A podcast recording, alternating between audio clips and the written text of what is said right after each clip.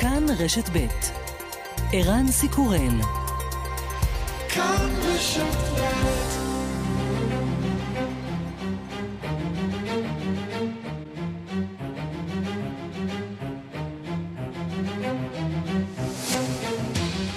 השעה הבינלאומית 25 ביוני 2023 והיום בעולם.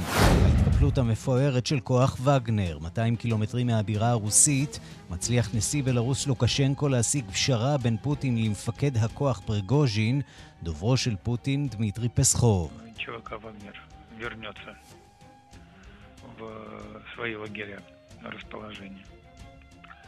Часть из них, которые это пожелает, в дальнейшем подпишет контракты с Министерством обороны. כוח וגנר יחזור לבסיסיו, חייליו שלא השתתפו בפשיטה יוכלו להתגייס לשורות הצבא. לגבי שאר הלוחמים, אף אחד לא ירדוף אחריהם, נתחשב ביתרונם בחזית, תמיד כיבדנו את מעשה הגבורה שלהם ותמיד נשמור על הכבוד הזה. התיק הפלילי נגד פרגוז'ין יבוטל, והוא עצמו ייסע לבלארוס. מפקד הכוח פרגוז'ין אומר, קיבלנו החלטה מושכלת. ЧВК «Вагнер» хотели расформировать. Мы вышли 23 июня на марш справедливости. За сутки.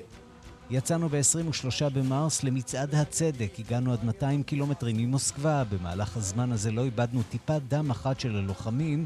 הגענו לרגע שבו הדם יכול להישפך. לכן, נוכח הבנת האחריות לדם הרוסי בשני הצדדים, אנחנו עוזבים בכיוון ההפוך, בחזרה לבסיסי.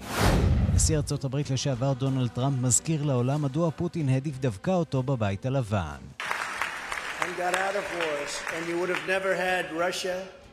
go into Ukraine, and you would have never had China. You would have never had China talking like they're talking right now about Taiwan. So we're giving hundreds of billions of dollars to Ukraine. I keep saying, why isn't Europe paying a like amount? So we're in for 160 billion, and Europe is in for 15 billion. And nobody thinks that's right or fair, and it affects them more than it affects us. אנחנו יצאנו ממלחמות, אצלנו רוסיה לעולם לא הייתה פולשת לאוקראינה, אף פעם לא הייתם שומעים את סין מדברת כפי שהיא מדברת עכשיו על טיוואן. אנחנו מעניקים מאות מיליארדים לאוקראינה, ואני שואל את עצמי מדוע אירופה לא משלמת סכום דומה. אנחנו משלמים 160 מיליארד והאירופים רק 15. זה לא צודק, והמצב משפיע עליהם יותר מכפי שהוא משפיע עלינו. בבלגרד הפגינו אתמול אלפים, זה השבוע השמיני ברציפות, הם מוחים על האלימות והפשיעה הגוברת, על אוזלת ידן של רשויות החוק ונגד השחיתות.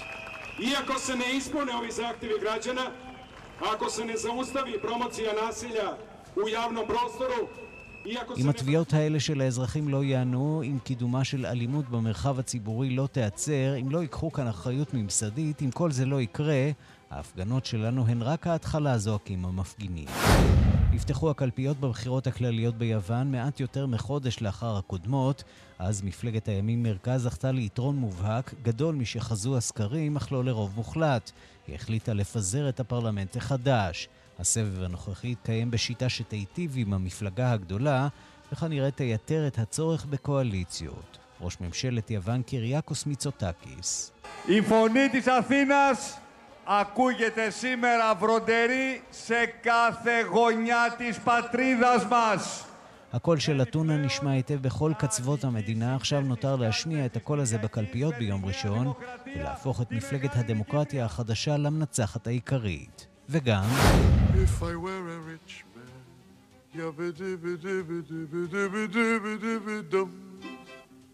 All day long I biddy biddy bum If I were a wealthy man I...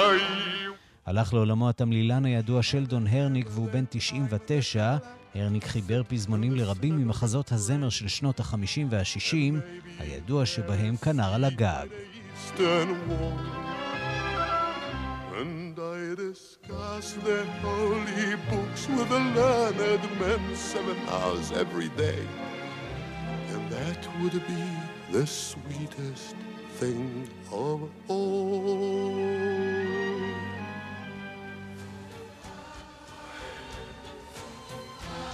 If I were a rich man,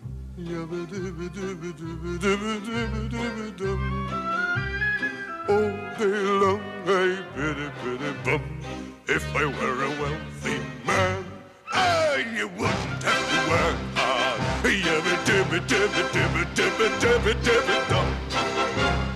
Lord who made the lion and the lamb, you decreed I should be what I am.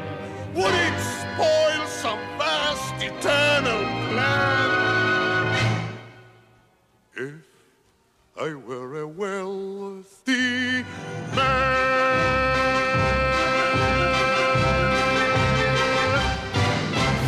השעה הבינלאומית שעורך נדב רוזנצוויג בביצוע הטכני רומן סורקין, אני ערן סיקורל, אנחנו מתחילים.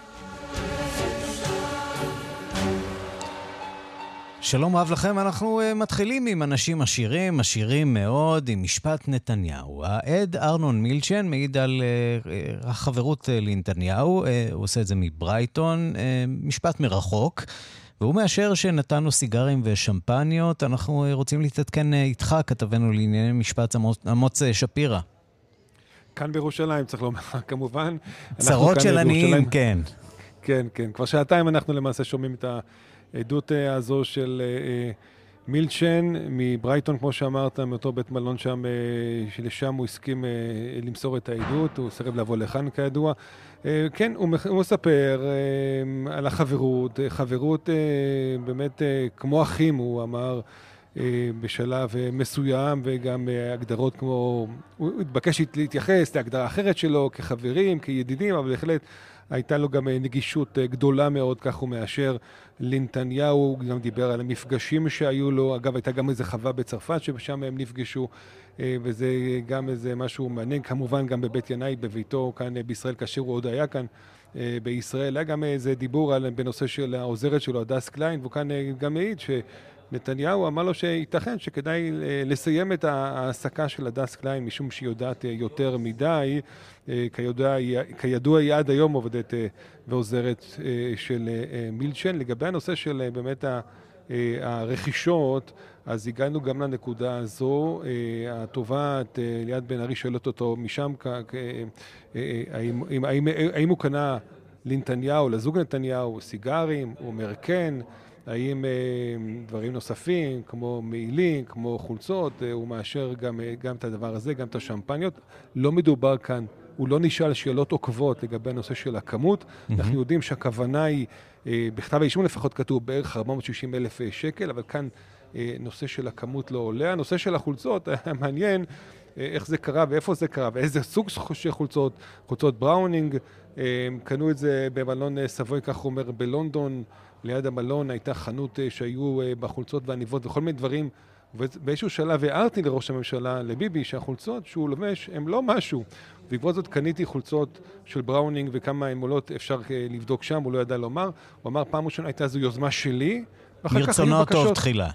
נכון, ואחר כך היו בקשות לעוד חולצות, וכאן שואלת התובעת ליד בן ארי מי פנה, אז הוא אומר, היינו ביחד עם שרה וביבי, זה לא היה איזה אירוע, אני אומר את זה עכשיו קצת בצחוק, אבל החלטנו להלביש את ראש הממשלה כמו להיות ראש ממשלה. אמ, ואחרי זה היא שואלת מי יזם את מתן הסיגרת והשמפניות, והוא אומר, בהתחלה הייתה זו יוזמה שלי, ואחר כך זה הפך לבקשות. ואז היא מבקשת שהוא יפרט קצת יותר, וכאן הוא אומר, נתתי להדס קליין, העוזרת, כמו שאמרנו, יד חופשית, ואמרתי לה, מה שראש הממשלה רוצה או צריך כאן, אה, אני בתור אזרח. אני לא רוצה שלראש הממשלה יהיו בעיות, לא רלוונטיות לתפקיד שלו, ואחר כך זה באמת אה, הפך אה, לשגרה, כך הוא אומר, וכאן באמת, ככה אני מדלג עוד טיפה מהדברים mm-hmm. שגם ורד פלמן בינתיים כותבת לי מבפנים, שואלת אותו התובעת לגבי העלים, כן, והוורודים, כן, זה הכינויים. לרכישות, אז מי פנה אליך? והוא אמר, העלים כמובן הייתה הסיגרים, הוורודים השמפניות, מי, מי, מי ביקש, מי אמר? אז הוא אומר, לפעמים זו הייתה יוזמה שלי, כשאני הייתי בא לבקר, הוא מביא עלים, ובמקרים אחרים, ביבי לפעמים שואל, תגיד, יש איזה עלים בבית? שוב, הכוונה כאן לסיגריות כמובן. כן, זה נשמע חמור אומר... יותר, עלים, כן. אפילו משמפניה ועלים, אוקיי. אוקיי, אז באמת הוא אומר, היה סטוק אה, אה, בבית, היא שואלת שוב, מה לגבי הוורודים? זה היה אותו דבר, הוא אומר. אז אה, שוב, יש עלים, לא יודע מה כתוב כאן, הוורודים היה אצלי אוטומטית, לא היה צריך לבקש, זה התחיל אה, אה מיין, אה, כנראה שמפניות, אחר כך זה הפך לשגרה. בקיצור, מה שאנחנו רואים כאן עכשיו בעצם בקטע הזה, שהוא כבר אחרי הפסקה קצרה, ב- הרכישות. וזה פה אנחנו מגיעים. זה נמשך ונמשך. כמה היו רכישות. בוא נגיד כן. מילה או שתיים על, ה, אה, על מה שקורה שם אה, בעצם בבית המשפט. יושב שם אה, ארנון מילצ'ן בברייטון, ומולו שרה נתניהו, רעיית ראש הממשלה, נכון? נכון, שם זה בעצם באיזה אולם בבית מלון, נדמה לי שראיתי שזה אולם אירועים, אולם חתונות כזה. אולם, אולם קטן, יש שם כל, הפר... כל הטכניקה כדי, כדי לשדר את זה בזום אה, אה, לכאן, לבית המשפט המחוזי בירושלים. היו כוונות למעשה- לקיים שם אה, הפגנות מחוץ לאולם? זה קורה? היו, הייתה, הייתה איזה מחאה, אני לא שם, אבל אנחנו מדווחים שהייתה איזו אה, מחאה שהגיעה עד אה, לשם. אה, כאן, שוב אני אומר, בעצם, מי, מי נמצא בתוך העולם שם? זה רק בעצם, לפי החלטת בית המשפט, זה רק אה, אה, מעגל קרוב, מהמם. ולכן שרה נתניהו שם. אה, גם מאבטחים, גם טכנאים כמובן, אבל עיתונאים למשל לא. זאת אומרת, עיתונאים שנסעו לשם בעצם ראו רק את הכניסה של מינצ'ן אה, אה, מוקדם יותר אה, לאולם הזה. אבל אתה כאן- יודע מה, חוף ברייטון אה, זה מקום באמת אה, מקסים. לא יודע אם אתה היית? שם, אבל אה, באמת אה, מקום חביב להפליא. אה, מומלץ, לא בהכרח בנסיבות האלה, אבל אה, בהחלט מקום אה, מומלץ. עמוס שפירא, כתבנו לענייני משפט, אתה כמובן עם כל הצוות הגדול של כאן חדשות ממשיך לעקוב אחר הכותרות שיוצאות משם. אם יהיו כותרות שחשוב לעדכן בהן, אנחנו כאן, תודה רבה לך. אני מודה לך. ועוד סיפור אחד אה, שמעסיק אותנו היום בקפריסין, מדווחים על סיכול פיגוע טרור איראני נגד מטרות ישראליות. אה, כתבתנו מיכל רשף, שלום לך. שלום, ערן. את עם הפרטים. כן, אז בתקשורת הקפריסאית בעצם אה, מדווח הבוקר ששירותי המודיעין המקומיים סיכלו פיגוע טרור נגד מטרות ישראליות או מטרות יהודיות באי, זה עוד לא לגמרי ברור. הסיכול הזה בעצם נעשה בשיתוף פעולה של סוכנויות מודיעין בינלאומיות, לפי הערכות בתקשורת שם, מדובר בסוכנויות מודיעין של ארצות הברית וישראל, וככה בעצם הצליחו לעצור את התוכניות של החוליה הזאת, אבל לא לעצור את אנשי החוליה. כלומר, נאמר, לאנשי החוליה, לפי הדיווחים, יש קשרים למשמרות המהפכה האיראנים, אז לפי הדיווחים בעצם הרשויות עקבו במשך זמן מה אחר החשוד המרכזי שהוביל את החוליה הזאת, אבל בשלב מסוים הוא קיבל מידע שעומדים לעצור אותו, אז הוא נמלט. אה, אבל בדירה שבה הוא התגורר נמצא בעצם הציוד שאמור היה לשמש אותו לתקיפה, ולפי מה שאומרים בקפריסין, היא עמדה לצאת לפועל ממש בזמן הקרוב, כלומר, הייתה הרבה מעבר לשלב התכנון. נגד האיש הוצא צו מעצר בינלאומי, ואין לנו עוד uh, פרטים עליו. נאמר שבאמת עדיין לא ברור מה הייתה המטרה המדויקת של החוליה, איך היא בדיוק פעלה. Uh, ונזכיר שרק לפני שנתיים עצרו השלטונות בקפריסין במקרה דומה, אזרח ממוצא אזרי, שגם לא היה קשר למשמרות המהפכה, הוא ביקש לבצע פיגוע נגד מטרות אה, ישראליות ויהודיות, כך שממש לא פעם ראשונה שם. מיכל רשף, תודה. תודה.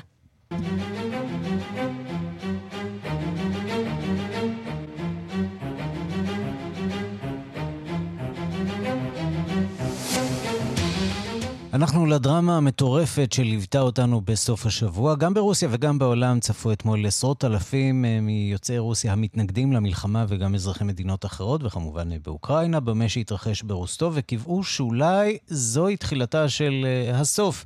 תחילתו של הסוף של הרפתקת הדמים של הקרמלין באוקראינה. הכוחות של יבגני פרגוז'ין, מייסד הקבוצה המזוינת וגנר, עשו את דרכם למוסקבה במה שנראה כניסיון הפיכה צבאית, אבל לקראת הערב הכל הסתיים ללא כלום. נשיא בלרוס אלכסנדר לוקשנקו הודיע שנמצאה פשרה ושווגנר אה, עוצר את אה, התקדמותו. שלום לכתבת אה, חדשות החוץ נטליה קנבסקי.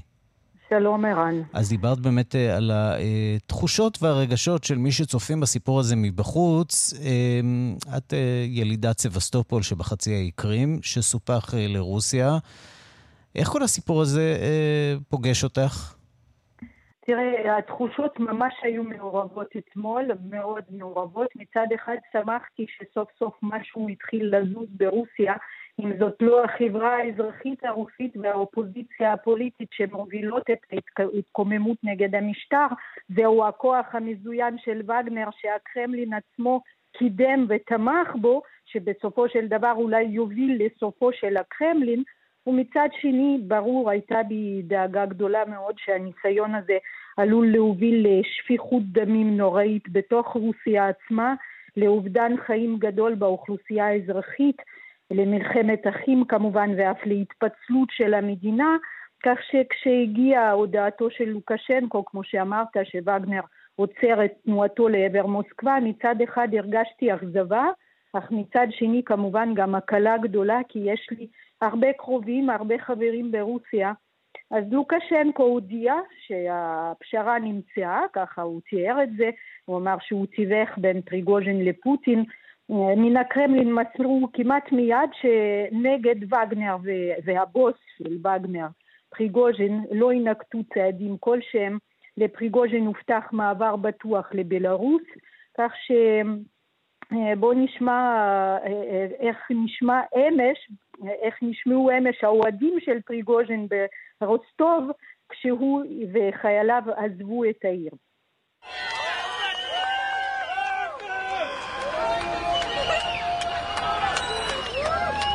ככה זה נשמע אתמול בערב. הם שמחים על העזיבה, או שהם אה, מאושרים שבאו לבקר לא, אותם למשך לא, כמה לא, שעות? לא, לא, הם שמחים לראות אותו. אני לא חושבת שהם שמחים על העזיבה, כי לפי הצילומים שראיתי באינטרנט, הם אה, ממש אה, מלטפים את הרכבים ומנסים ככה ללחוץ את היד שלו, ו... זה ממש האוהדים. תרשי לי לנחש שפוטין רואה את התמונות האלה מהקרמלין וליבו נחמץ.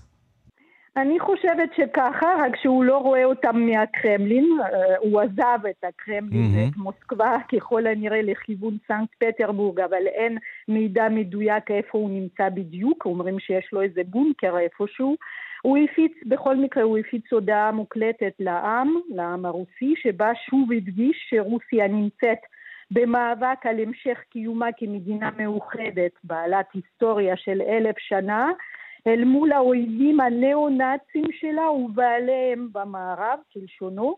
הוא השווה את ניסיון ההפיכה של פריגוז'ין למהפכה הבולשיביקית של 1917 בשיאה של מלחמת העולם הראשונה. בואו נשמע קטע מדבריו. Это удар в спину нашей стране и нашему народу.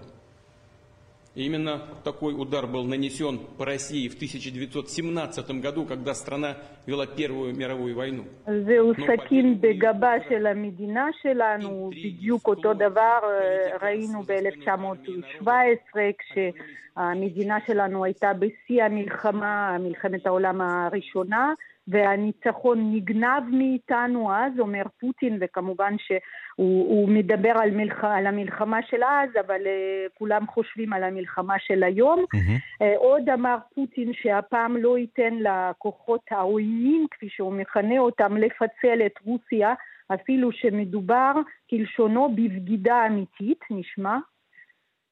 А то, с чем мы столкнулись, это именно предательство. Непомерные амбиции и личные интересы привели к измене. К измене и своей стране, и своему народу, и тому делу, за которое бок о бок с другими нашими частями и подразделениями...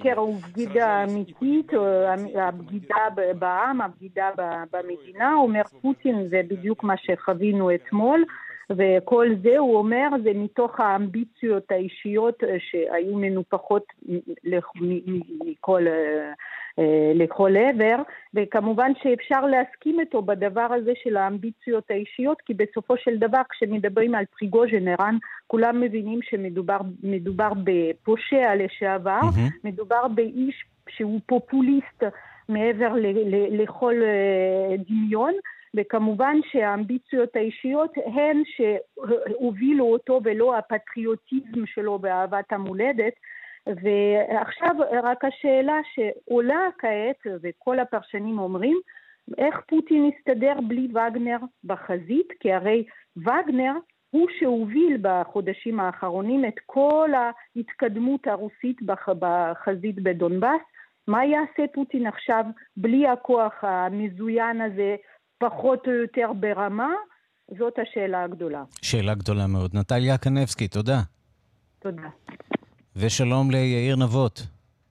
שלום ערן. עיתונאי ופרשן לענייני רוסיה ומדינות ברית המועצות לשעבר. בואו ננסה אה, לעזור למאזינים שלנו שקצת פחות מבינים אה, מי הם הכוחות הלוחמים והמעורבים פה בתוך הסיפור הזה, טיפה להסביר מיהו אותו כוח אה, וגנר אה, בין טיפוחיו של אה, פוטין, שעכשיו למעשה התהפך, התהפך עליו. הוא התהפך עליו אמנם, אבל זאת הייתה התהפכות uh, קצרה, ערן, צריך לומר. ממה שאנחנו מבינים, פריגוז'ין בעצמו אמר אתמול, לאחר השגת אותו הסכם במרכאות, uh, שאינו כל כך ברור, שהשכירי החרב שלו ישובו לבסיסיהם, אבל הם מתכוונים לשוב לחזית באוקראינה, אז זה חשוב.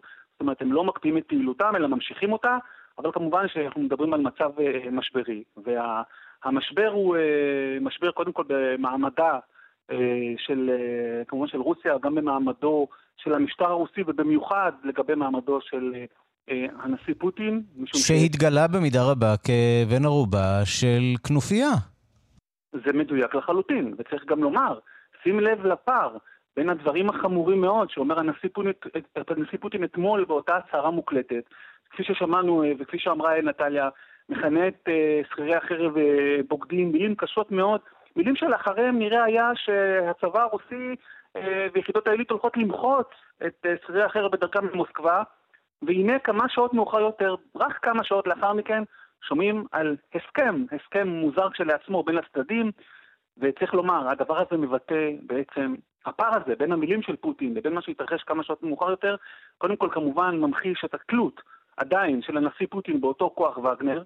דבר שני, הוא, הוא ממחיש, אה, בראייתי, את אה, היחלשותו ההולכת וגוברת של המשטר המרכזי במוסקבה, ושל אה, הנשיא פוטין אה, באופן... כן, וצריך לומר, אה, תלות לא רק בכוח וגנר, אלא תלות במי שנחשב הקולגה החלש שלו, לוקשנקו. פתאום האיש הזה שמבודד בכל העולם, הוא המוציא ומביא עבור פוטין ועבור כוח וגנר, הוא זה שקובע מהלכים. כן, בדיוק, הוא זה שקובע מהלכים, הוא זה שבעצם אליבא, דמיטרי פסקוב, דובר הקרמלין, הוא בעצם זה שניהל את המשא ומתן על אדמת בלארוס. כאילו אה, רוסיה לא מסוגלת לנהל משא ומתן כזה עם פריגוז'ין בעצמו באופן ישיר. זה כמעט אה, מביא אותנו למצב אה, אבסורדי, אבל ברקע הדברים האלה צריך לזכור את היריבות המרה, החריפה, בין מוקדי הכוח. והיריבות הזאת היא בעיקרה, שהביאה אותנו למצב הנוכחי בעצם, היא בין פריגוז'ין לשכירי החרב שלו מווגנר, למשרד ההגנה הרוסי. וזאת באמת השאלה שעסקנו בה אתמול לאורך כל היום. מה הוא רוצה? מה רוצה פריגוז'ין? מה הוא מנסה להשיג במהלך הזה? והאם הוא הצליח להשיג משהו מהשאיפות והציפיות שלו? כי בינתיים, אם התוכנית הייתה לגרום להדחות במשרד ההגנה או דברים מהסוג הזה, זה לפחות בינתיים עדיין לא קורה, נכון? תקן אותי אם אני טועה.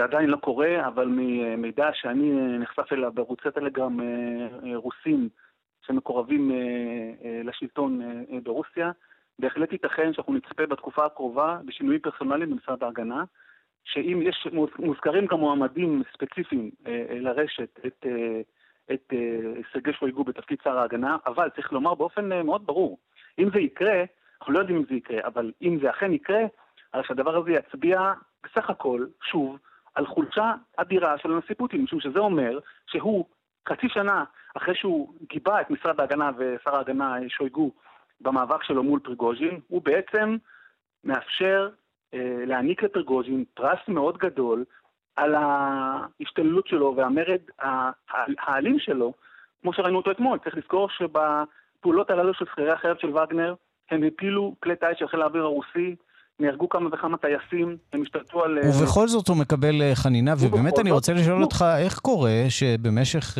12 אה, שעות כמעט, כוח צבאי, אומנם רוסי, אבל סוג של כוח צבאי זר, משוטט ברחובות רוסיה, צועד לעבר מוסקבה, ונדמה כאילו שכל מה שהצבא יכול לעשות זה לפרוס כמה משאיות, לחפור בורות בכניסה למוסקבה. איפה הצבא הרוסי הגדול? לאן הוא נעלם? נכון, זו שאלה טובה, ואחד ההסברים להתנהלות הזאת היא קודם כל אחת מתוצאות המלחמה באוקראינה שאפשרו את המהלך הזה עבור פרגוז'ין. הצבא הרוסי אה, חטף אה, מכות אנושות בשנה וארבעה חודשי מלחימה.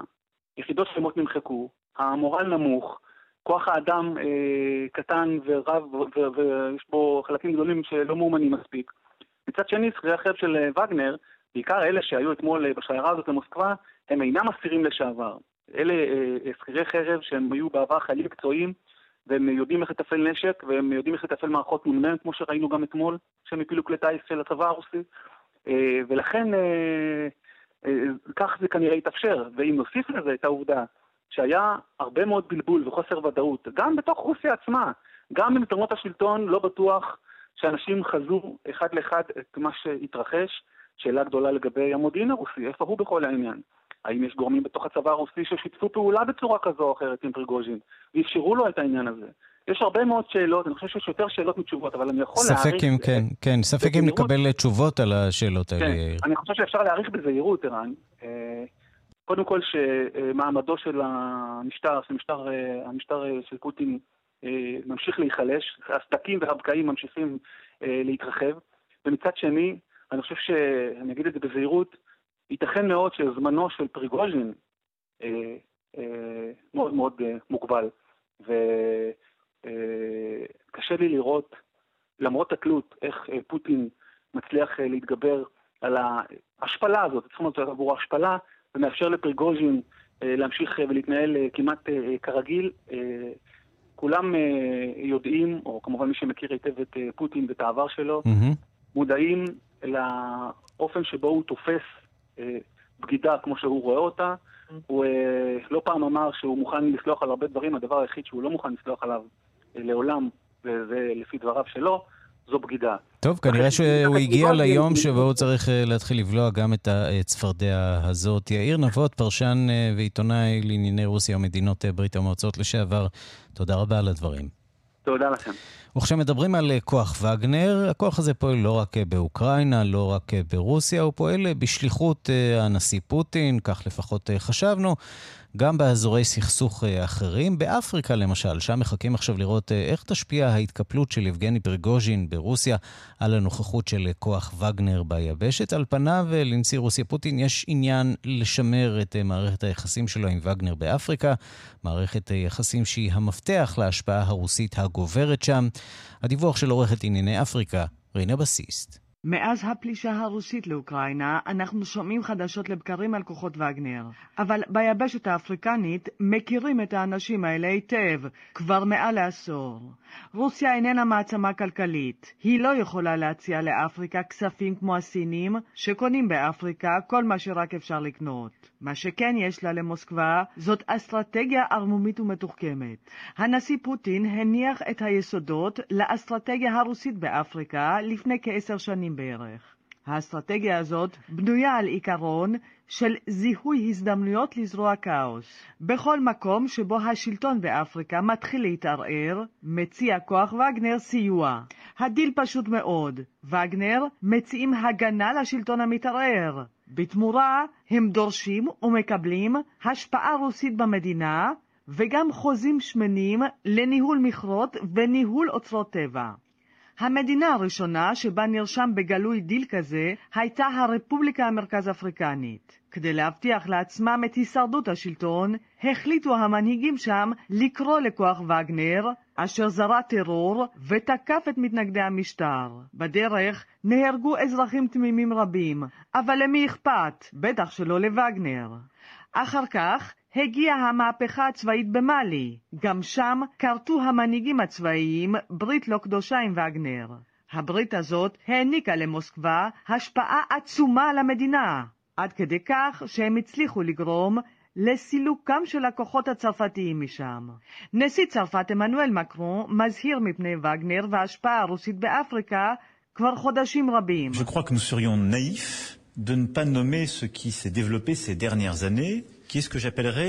נהיה נאיבים אם לא נודה באמת. במה שמתרחש באפריקה בשנים האחרונות, נוכחות היברידית של רוסיה ביבשת האפריקנית.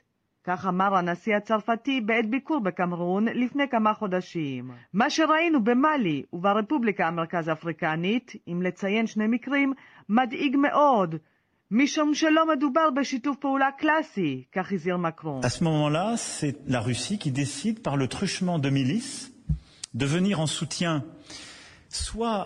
רוסיה, באמצעות המיליציות שלה, באמצעות וגנר, מחליטה לסייע ולתמוך במשטרים פוליטיים חלשים, שמחליטים לא לפתור את הבעיות של המדינה באמצעות פוליטיקה, אלא בדרכים צבאיות, כך הוסיף והזהיר הנשיא הצרפתי.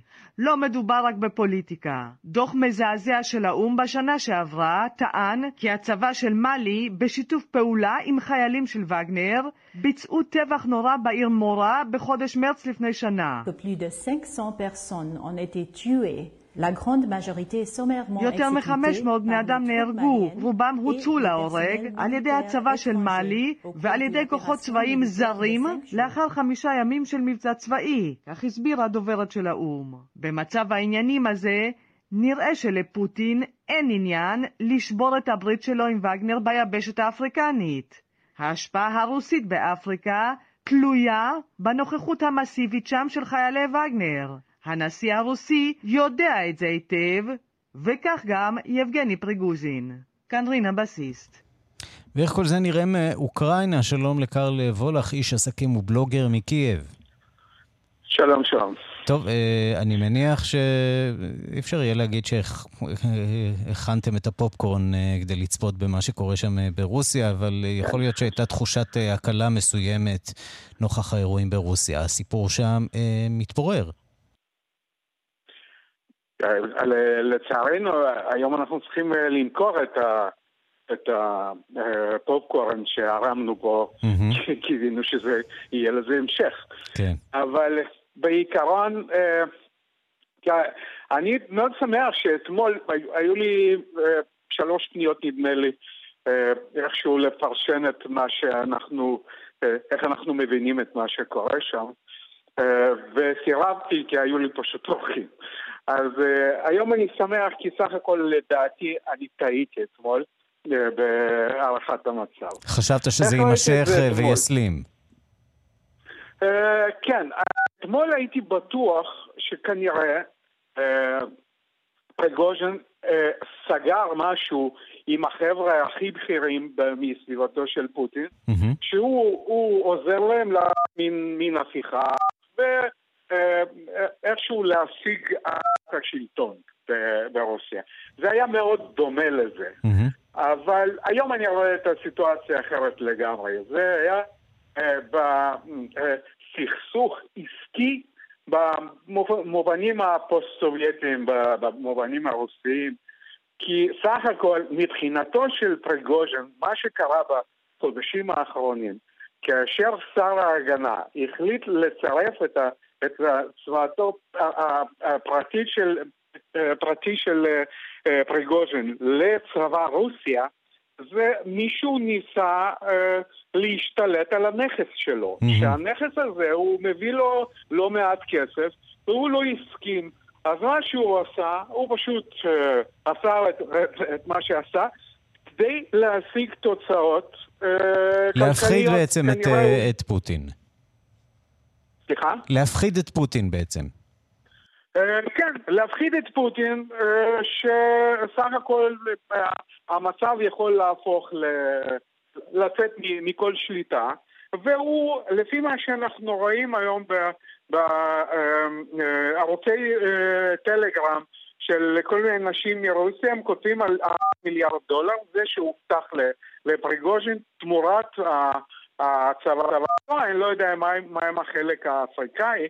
אבל על החלק הרוסי כנראה שהוא ויתר, חוץ מה, מהחבורה שהוא לקח איתו ל...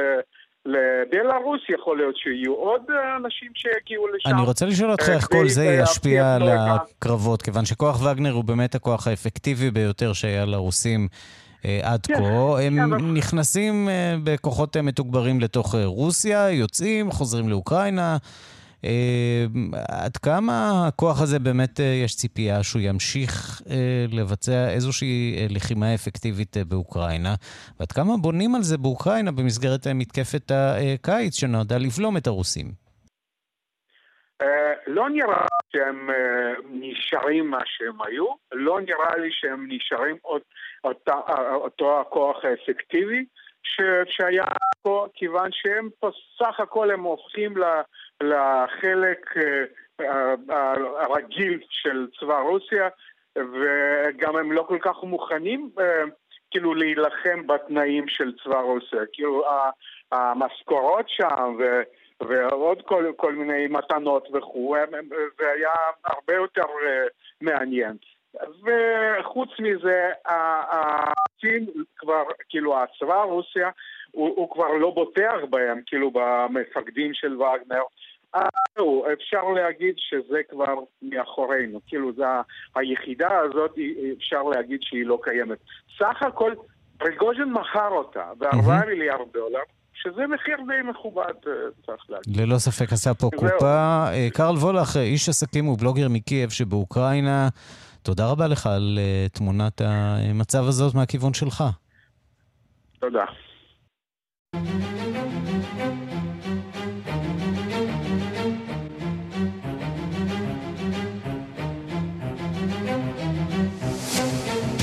השעה הבינלאומית בוושינגטון עקבו מקרוב אחר ההתפתחויות ברוסיה בסוף השבוע. על פי הדיווחים בתקשורת האמריקנית, המודיעין האמריקני ידע כי פרגוז'ין מתכנן מרד, אבל לא היה מעורב אה, בפרטים של הפעולה הזאת.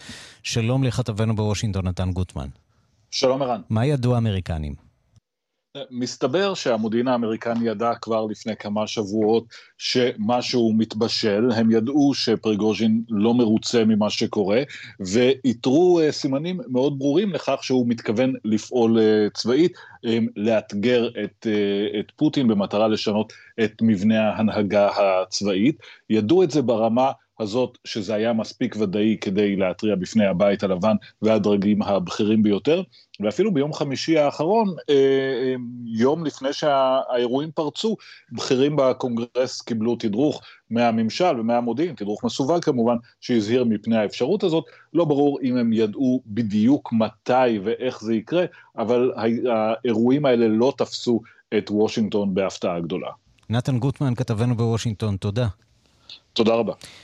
ועם או בלי קשר, הבוקר בסוריה מראות שלא ראינו זמן רב, תקיפה מסיבית של חיל האוויר הרוסי באזור אידליב בצפון מערב סוריה. שלום לראש תחום העולם הערבי רוי קייס. שלום ערן, צהריים טובים. יש לא מעט אה, נפגעים בתקיפה הזאת אה, שמגיעה, צריך לומר, שוב, יממה לאחר שמטוסים רוסים נופלים בשמי אה, רוסיה. והנה חיל האוויר הרוסי מנסה אולי להוכיח שיש לו איזה שריר או שניים שהוא יכול להפגין. אפשר אה, אולי לקשור זאת אה, כך. אין ספק, תראה, צריך להגיד שבאזור הזה, צפון מערב סוריה, גזרת טיליב, זה אזור שנמצא תחת הסיכומים בין רוסיה לבין אה, טורקיה, סיכומים של הפחתת המתיחות, להפוך את האזור הזה לאזור הפחתת המתיחות. נזכיר, באותו אזור יש מעשה את מעוז ההתנגדות המשמעותי האחרון למשטר אסד, יש שם שלל ארגונים, ארגונים גם אסלאמיסטים, גם ארגונים כאלה ואחרים שמתנגדים למשטר אסד, כמו בראשם הגוף לשחרור, שם היה תחריר השם, מה שהיה ג'אבה תנוסה, שלוחת אל-קאעידה אה, בסוריה, והיום בבוקר, כמו שאתה אה, ציינת, חיל האוויר הרוסי בכמה תקיפות אה, אינטנסיביות, מסיביות מאוד, באזור ג'יסר שורור, גם כן באזור הזה של אידליב. לפי הדיווחים, יש שם לפחות תשעה הרוגים, מעוד 30 פצועים, לא מעט אזרחים שנפגעו. הנה מה שאומר מוניר מוסטפא, סגן מנהל רשות ההצלה באותו אזור, על מה שהתרחש שם. صعيد خطير حصل من قبل القوات الروسية وقصف على المدنيين بشكل مباشر تم استهداف سوق الخضار في منطقة כן, אז אומר, אומר מוניר מוסטפא מאנשי ההצלה שם, אומר, זו הסלמה מסוכנת של הכוחות הרוסים, הם פגעו, הפציצו באופן ישיר אזרחים. עכשיו, תראה, אני צריך להגיד שבימים האחרונים ראינו אה, אולי פעילות קצת יותר מוגברת, גם של אם תרצה, הארגונים המורדים באותו אזור של צפון מערב סוריה, היו כמה תקיפות אה, של כטב"מים אה, לעבר אזורים שנמצאים בשליטת משטר אסד, בעיקר באזור מערב סוריה, גזרת לטיקיה, היו שם גם הרוגים, ולכן ככל הנראה אפשר אולי לקשר גם בין התקיפה המסיבית היום בבוקר באזור אידליב, גם כן לתקיפות האלה של גורמי אופוזיציה, מה שמראה לנו באופן כללי שבאמת הגזרה הזאת, גם אם היא נראית לנו שהיא יותר שקטה מבעבר, עדיין לא נרגעה אה, לחלוטין, וכאמור, אה, הבוקר, כמו שציינו, חיל האוויר הרוסי באמת בתקיפה שלא נראתה הרבה זמן אה, באזור אידליב, צפון מערב סוריה. רועי קייס, ראש התחום הערבי, תודה. תודה.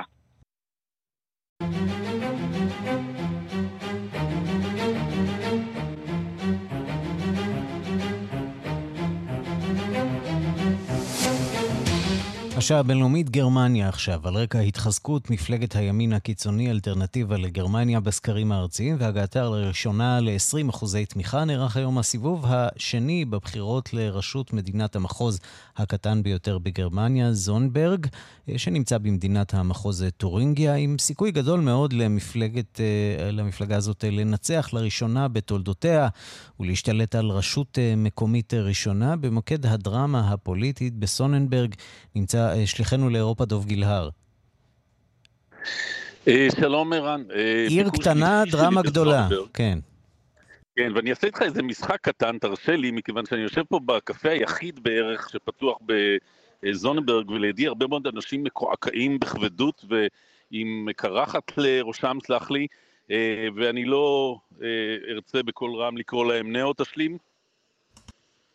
נאצים כמובן. כן, נכון. נכון, זאת המילה. Mm-hmm. וטורינגיה בכלל, צריך להגיד, זאת מדינה שבה ב-1930 המנהיג אה, של אותה אה, מפלגה הפך, לראשונה המפלגה הפכה לחברה בממשלה, זו המדינה הראשונה שבה המפלגה ה... כן, תשלים, היא הפכה... נאו-נאצית, כן. חברה, נכון, אני לא אומר את זה, תבין למה. כן. חברה בממשלה.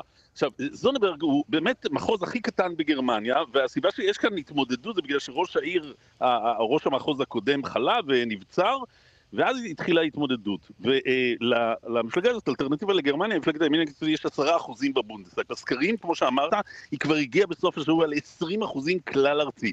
במדינת טורינגיה זה משהו כמו 33 אחוזים, ואף אחד לא ידע כמה יש בזוננברג, מכיוון שלא עושים, עושים כאן סקרים, מכיוון שזה קטן מדי. ואז לפני שבועיים כשהיינו פה, אחד הצוותים היחידים שהיינו פה, נפל דבר, המועמד אה, זסלמן של האלטרנטיבה לגרמניה קיבל בסיבוב הראשון 47 אחוזים, כמעט 47 אחוזים, עוד 3 אחוזים הוא כבר היה זוכה mm-hmm. בסיבוב הראשון, במחוז היחיד שהיה הופך ל, לרשותה של אלטרנטיבה לגרמניה, כדי שלא מנהלת שום עיר, שום עיירה, שום מדינת מחוז, שום דבר, והיום אנחנו מחכים לראות, זה הסיבוב השני, המועמד ממול הוא מועמד הצד"ו, הנוצרים דמוקרטים, שהגיע כמעט ל-36 אחוזים בסיבוב הראשון, התאחדו מסביבו כל המפלגות האחרות, הדמוקרטיות לדבריהם, הירוקים, ה-SPD, דרלינקה, השמאל, וכולם, אתה יודע, אין בין דרלינקה ובין הצד"ו שום דבר, חוץ מהתנגדות ל-AFD. ומנסים כאן, באמת בכוחות עילאיים, למנוע מה-AFD את ההישג המורלי הזה, לזכות במחוז הראשון. ומצד שני, יכול להיות שהבהלה אה, טיפה מוגזמת, בכל זאת אנחנו מדברים על אה, מחוז קטן, אה, לא מקום מאוד אה, משפיע, אז, אז לא, תן, לא, לא משקף את דעת הקהל בגרמניה. תן לי להוסיף לך למוטרדות. אה, ביורן הוקה הוא אה, ראש ה-AFD בטורינגיה, אה, לא חבר בבונדסטאג, אלא בפרלמנט המקומי, ויש הטוענים שהוא המנהיג האמיתי של ה-AFD בכל המדינה. זה האיש שבית משפט אישר לקרוא לו פשיסט, מכיוון שהוא תבע לשון הרע והפסיד בתביעה הזו, ממש לא מזמן. הוא בן אדם שמטבל את נאומיו בכל מיני מטבעות לשון של, אני לא אגיד עכשיו בקול רם כדי שלא יסתכלו עליי. אה, ו- והוא עומד על זה לדין. אה, דובי, אני חייב להגיד. שמאז שהיית באוקראינה לא שמעתי אותך אה, כל כך אה, חושש בעיצומו של אה, שידור. אה, אנחנו, הלב יוצא אה, אליך מכאן. תראה, תראה, אם היית יושב בחברת האנשים שאני יושב לא רחוק מהם, אז גם אתה... יכול מאוד להיות. אתה יודע למה אני מתכוון. יכול מאוד להיות. בכל מקרה, כן. בשש שעוננו התוצאות, בשבע שעונכם. וזה יכול להיות רעידת אדמה. זו עיר שכרגע יש יותר צוותי טלוויזיה מאשר אזרחים בה. היא שוממה לגמרי, אבל כן מתנהלות כאן הבחירות, אנשים כן הולכים לקלפיות, וכל גרמניה מסתכלת על המקום הקטן הזה כדי לראות האם ה-AFD עומד לנצח פה הערב את הניצחון הראשון בתולדותיו, יהיה ראש רשות מקומית, מחוז, לא חשוב, לא שום דבר, אבל מבחינה אה, פסיכולוגית זה דבר שיטלטל את גרמניה. כל גרמניה וגם לשאול, כל ישראל, גם אנחנו ממשיכים אה, לעקוב אחר התוצאות משם. לשאול, רק מילה אחת, רק כבר מתחילים לשאול האם המפלגה הזאת כבר אה, ראויה לפסילה. האם היא כבר אה, מנוגדת לחוקה הגרמנית, ואפשר לפסול אותה כמו שניסו בעבר אה, לפסול את ה-NPD, המפלגה היותר ימנית רק השולית שלא נמצאת אה, בפרלמנט הגרמני. דוב גילהר, כתבנו באירופה, תודה. גם לך.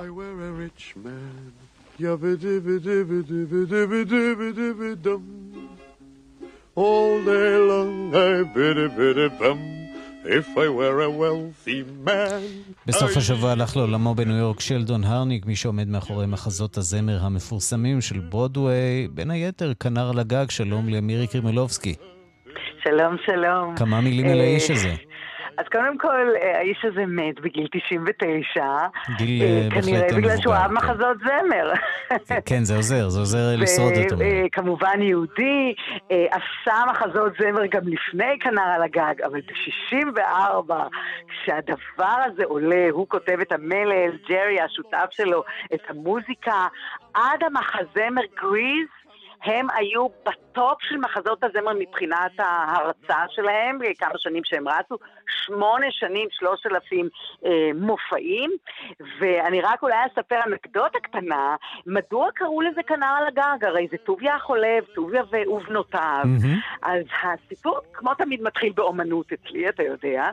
הסיפור ששגל, מרק שגל הצייר, היה מיודד עם אה, שולם הלחם, שניהם אגב היגרו לארצות הברית, וכאשר הגו את המחזמר הזה, שלא היה בדיוק כמובן כמו היצירה המקורית, היו חייבים שם אחר, גם זכויות יוצרים, אתה יודע, ואז פנו אל שאגאל, והוא נתן את הציור של הדוד שלו, שבמצוקתו היה עולה על הגג של העיירה, הוא מנגן שם בכינור, ציור מאוד מאוד מפורסם של שאגאל, ומזה נולד השם הזה. ואנחנו נשארנו את... עם הצלילים הכל כך אה, יפים האלה של אה, שלרדון אה, הרניק. תודה רבה לך על הדברים, מירי קרימולובסקי. תודה לך, ערן. If I were a bitty, bitty rich, idle, diddle, diddle, diddle man. עד כאן השעה הבינלאומית שערך נדב רוזנצוויג בביצוע הטכני רומן סורקין. אני רנסי קורל מיד אחרינו רגעי קסם עם גדי לבנה. להתראות. Supervising meals to a heart's delight. I see her putting on airs and strutting like a peacock. Oh, what a happy mood she's in. Screaming at the servants day and night. the most important man in town will come to phone on me. They will ask me to advise them.